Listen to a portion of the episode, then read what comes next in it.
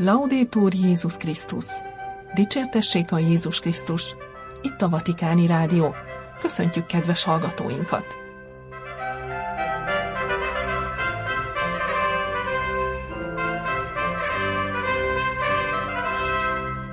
A mikrofonnál Somogyi Viktória.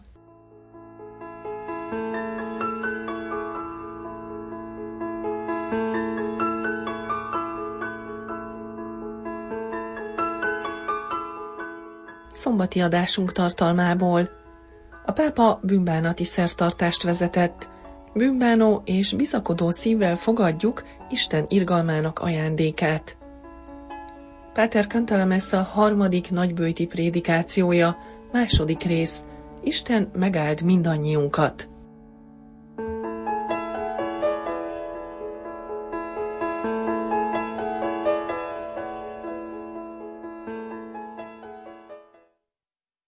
A pápa bűnbánati szertartást vezetett. Bűnbánó és bizakodó szívvel fogadjuk Isten irgalmának ajándékát. Ferenc pápa a 24 óra az Úrért nagybőti ima és kiengesztelődési kezdeményezés keretében tartott homíliájában mindenkit arra buzdított, hogy bízzon az Úrban bűnbánó és bizakodó szívvel, ismerje el bűneit és kérje Isten irgalmának ajándékát, a vigasztalás és az öröm isteni ölelését.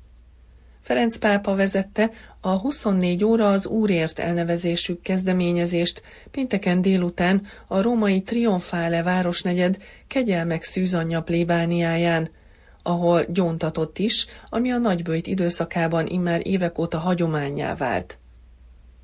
A helyi római plébánián megtartott szertartás hangsúlyozza a 24 óra az Úrért nagybőti kezdeményezés egyetemes jellegét, amely imából és kiengesztelődésből áll. A Ferenc pápa által elindított, immár tizedik alkalommal megrendezett szertartásra a világ egyházmegyében Nagybőjt negyedik vasárnapjának előestéjén kerül sor a húsvéti feltámadásra való felkészülésként. A világ minden egyházmegyéjében egy templomot 24 órán keresztül nyitva tartanak ez alkalomból – a hívőket pedig arra buzdítják, hogy vegyék fel a kiengesztelődés szentségét, és imádkozzanak lelki egységben Ferenc pápával. Az idei kezdeményezés mottója, irgalmaz nekem bűnösnek. A 24 óra az Úrért egy kezdeményezés, amelyet az evangelizálás dikasztériumának a világ evangelizációjával kapcsolatos alapvető kérdésekkel foglalkozó szekciója szervez. A dikasztérium az idei szertartásra külön lelkipásztori segédanyagot is készített különböző nyelveken, amelyek letölthetők. Ferenc pápa a liturgia olvasmányairól elmélkedve szentbeszédében kiemelte, hogyan kerülhet saját egónk és büszkeségünk az Úrral való párbeszéd útjába, mint az evangéliumban említett farizeus, aki büszke volt vallási teljesítményére, és jobbnak tartotta magát másoknál, de ezzel a hozzáállással elzárta magát Istentől. Perché solo chi è povero in spirito, chi ha bisogno di salvezza, che si sente bisognoso di salvezza e mendicante di grazia, si presenta davanti a Dio senza esibire meriti. A Szentírás azt mondja, hogy a nyomorgók jajszava áthatol a felhőkön, mert csak azok lépnek Isten színe elé, akik lélekben szegények és tudatában vannak annak, hogy szükségük van az üdvösségre és a megbocsátásra. Ők érdemeik dicsőítése nélkül, színlelés és elbizakodottság nélkül lépnek eléje, mert nincs semmiük, mindent megtalálnak, mert megtalálják az Urat, mutatott rá a pápa homíliájában. Felidézte azt a példázatot, amelyet Jézus kínál nekünk Lukács evangéliumában a farizeusról és a vámszedőről, akik mindketten a templomba járnak imádkozni. A pápa hangsúlyozta, hogy csak a vámszedő imája ér el Isten szívéhez, aki távol áll hátul, elismerve bűneit és vágyát Isten irgalmára és szeretetére. Nem nyomakodik előre, hátul marad. Ez a távolság azonban, amely kifejezi bűnösségét Isten szent mi volta előtt, képesé teszi őt arra, hogy megtapasztalja az atya szerető és irgalmas ölelését. Isten pontosan azért tudott eljutni hozzá, mert távol állva helyet csinált neki, emelte ki a pápa.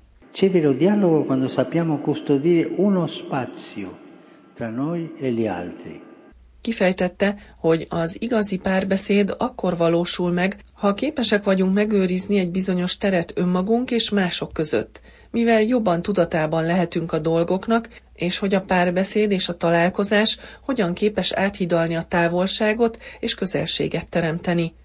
Az evangéliumban elmesélt vámszedő a templom hátsó részében áll, felismerve az igazságot arról, hogyan áll Isten előtt, így lehetővé téve, hogy Isten közeledjen hozzá, jegyezte meg a pápa.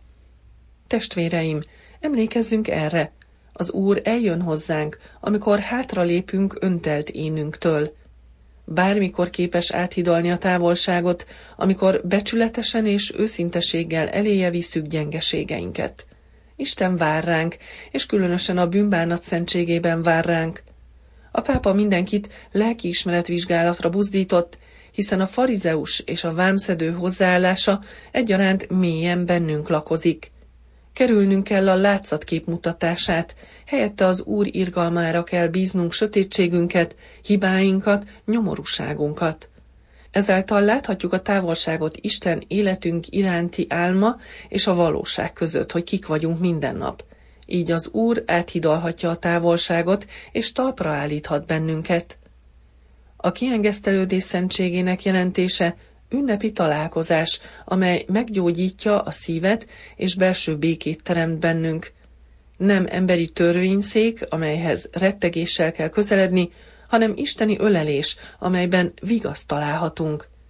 Ferenc pápa a gyóntatókhoz fordulva arra buzdította őket, hogy mindig bocsássanak meg mindent, amiért a bűnbánó bocsánatot kér, hallgassák meg őket nyíltan és megértéssel, hogy a kiengesztelődés szentsége valóban békét adjon nekik.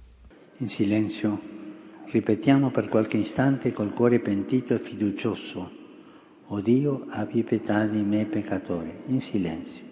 Befejezésül a pápa azt javasolta, hogy különösen a nagybőjt idején bűnbánó szívvel csendben mondjuk, mint a vámszedő, Istenem, irgalmaz nekem bűnösnek, Ismételjük ezt gyakran, emlékezve azokra az időkre, amikor kudarcot vallottunk mindennapi életünkben, és bocsánatot kérve.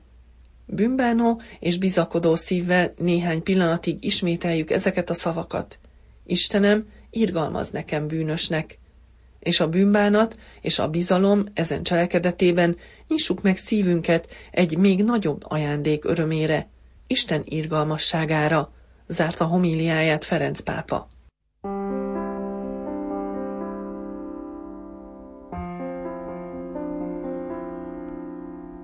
Harmadik nagybőti prédikáció, második rész.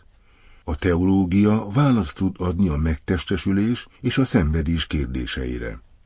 Az Isten szeretett címmel tartotta meg pénteken reggel a hatodik pál aulában Raniero Cantelamessa kapucinus bíboros, a pápai ház szónoka, harmadik beszédét a Szent Atya és a római kúria jelenlétében. Beszéde második részében a megtestesülés, a szenvedés titkairól szólt, befejezésül pedig az Istenhez méltó szeretetről. Perché Dio si è fatto uomo? Miért a megtestesülés? A szeretet Isten titkait befogadó és értelmező teológia első nagy kérdése, miért testesül meg az örök? Istennek szeretetként való értelmezése új távlatot ad a kérdésben. A kiinduló pont Szent Anselm híres kérdése. Miért lett Isten emberré? Cur deus homo, aminek jól ismert a válasza. Csak azt tudott megváltani minket a bűntől, aki egyszerre ember és Isten. Emberként ugyanis az egész emberiséget képviselhette, Istenként művelt végtelen értékű tette pedig arányos volt azzal az adóssággal, amelyet az ember a védkével magára vett Isten előtt. Szent Anzelm válasza örökérvényű, de nem egyedül lehetséges, és nem is teljesen kielégítő, szögezte le a szónok. A hitvallásunkban mondjuk, hogy Isten fia értünk emberekért, ami üdvösségünkért megtestesült. Ám üdvösségünk nem korlátozódik pusztán a bűnök bocsánatára, még kevésbé egy bizonyos, az eredeti bűnre.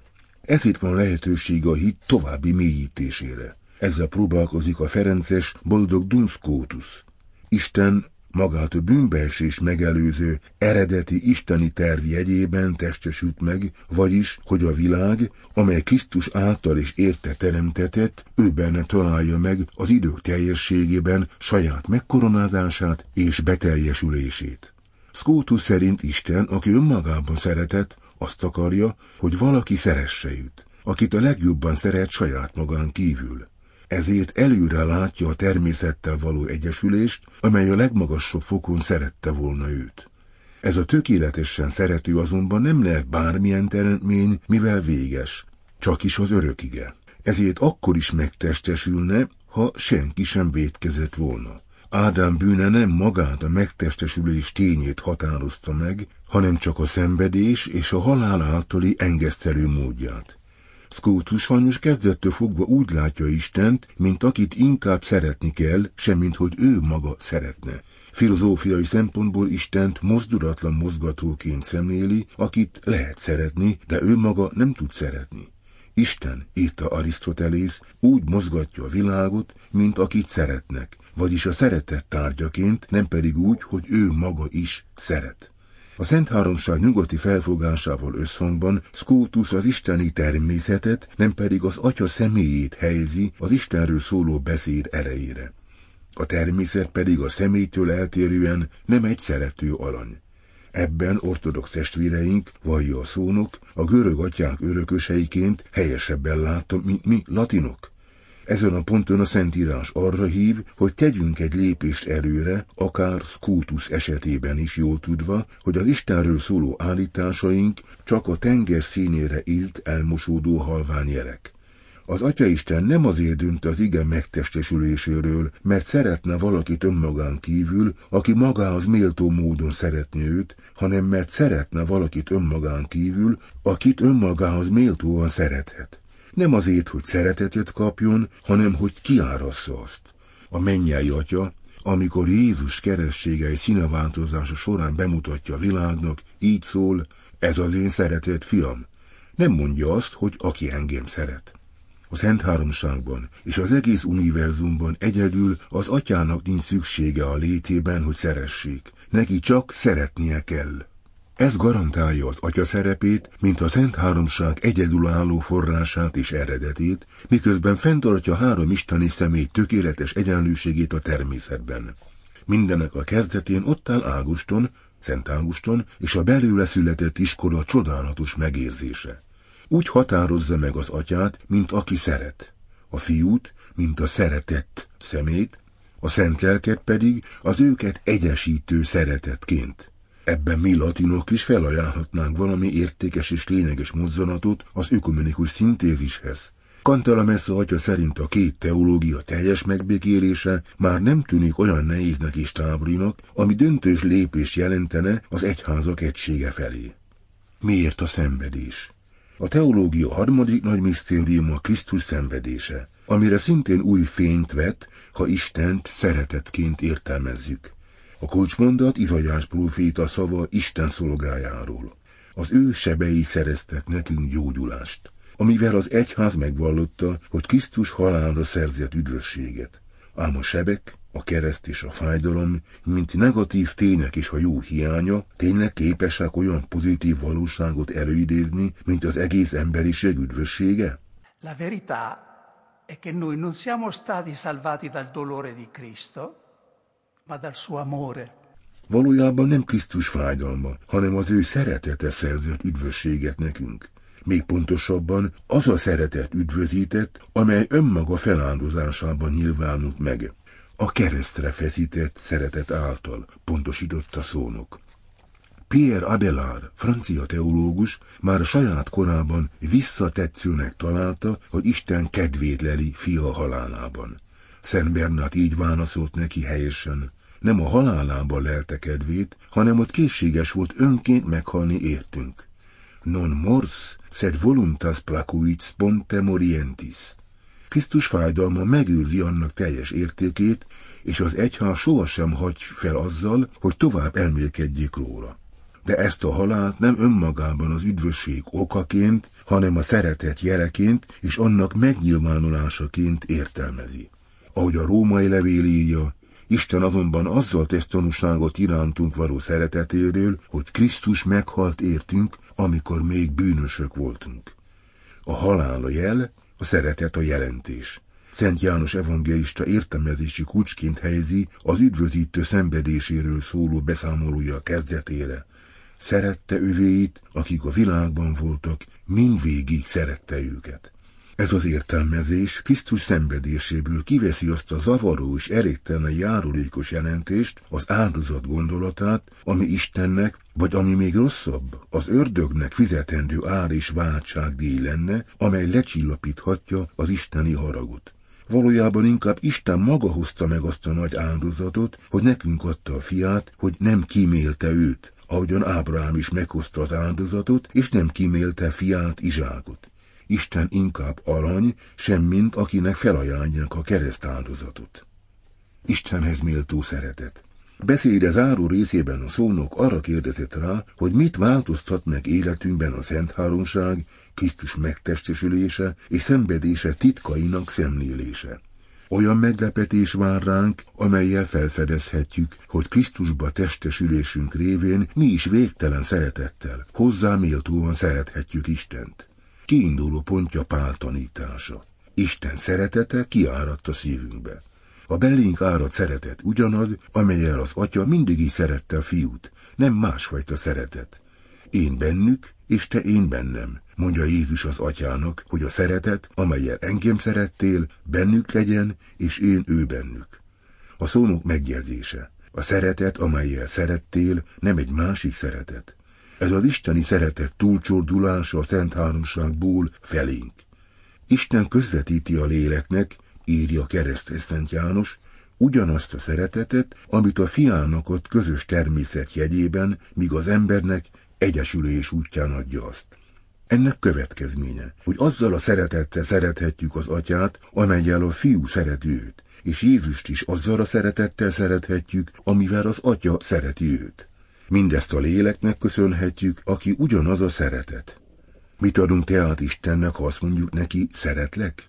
Semmi mást, csak azt a szeretetet, amit tőle kapunk.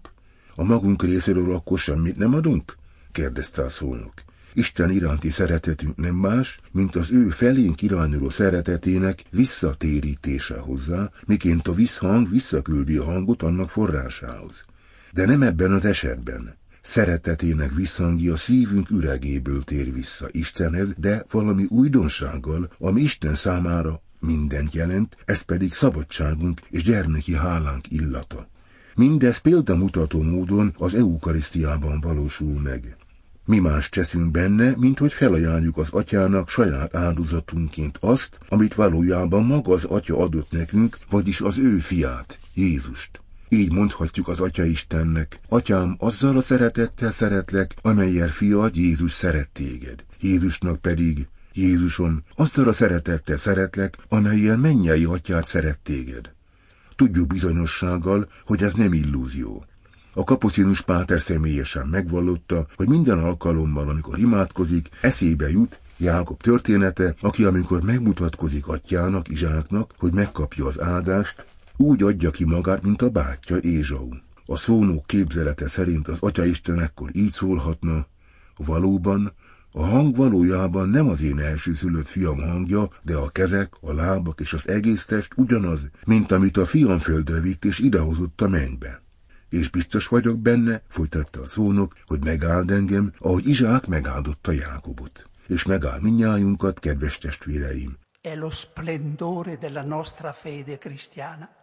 Ez a mi keresztény hitünk ragyogása, zárta Raniero Cantalamessa kapucinus bíboros, a pápai ház szónoka harmadik nagybőti beszédét. Itt a Vatikáni Rádió, kedves hallgatóink, szombati adásunk véget ért. Búcsúzik a szerkesztő, Somogyi Viktória.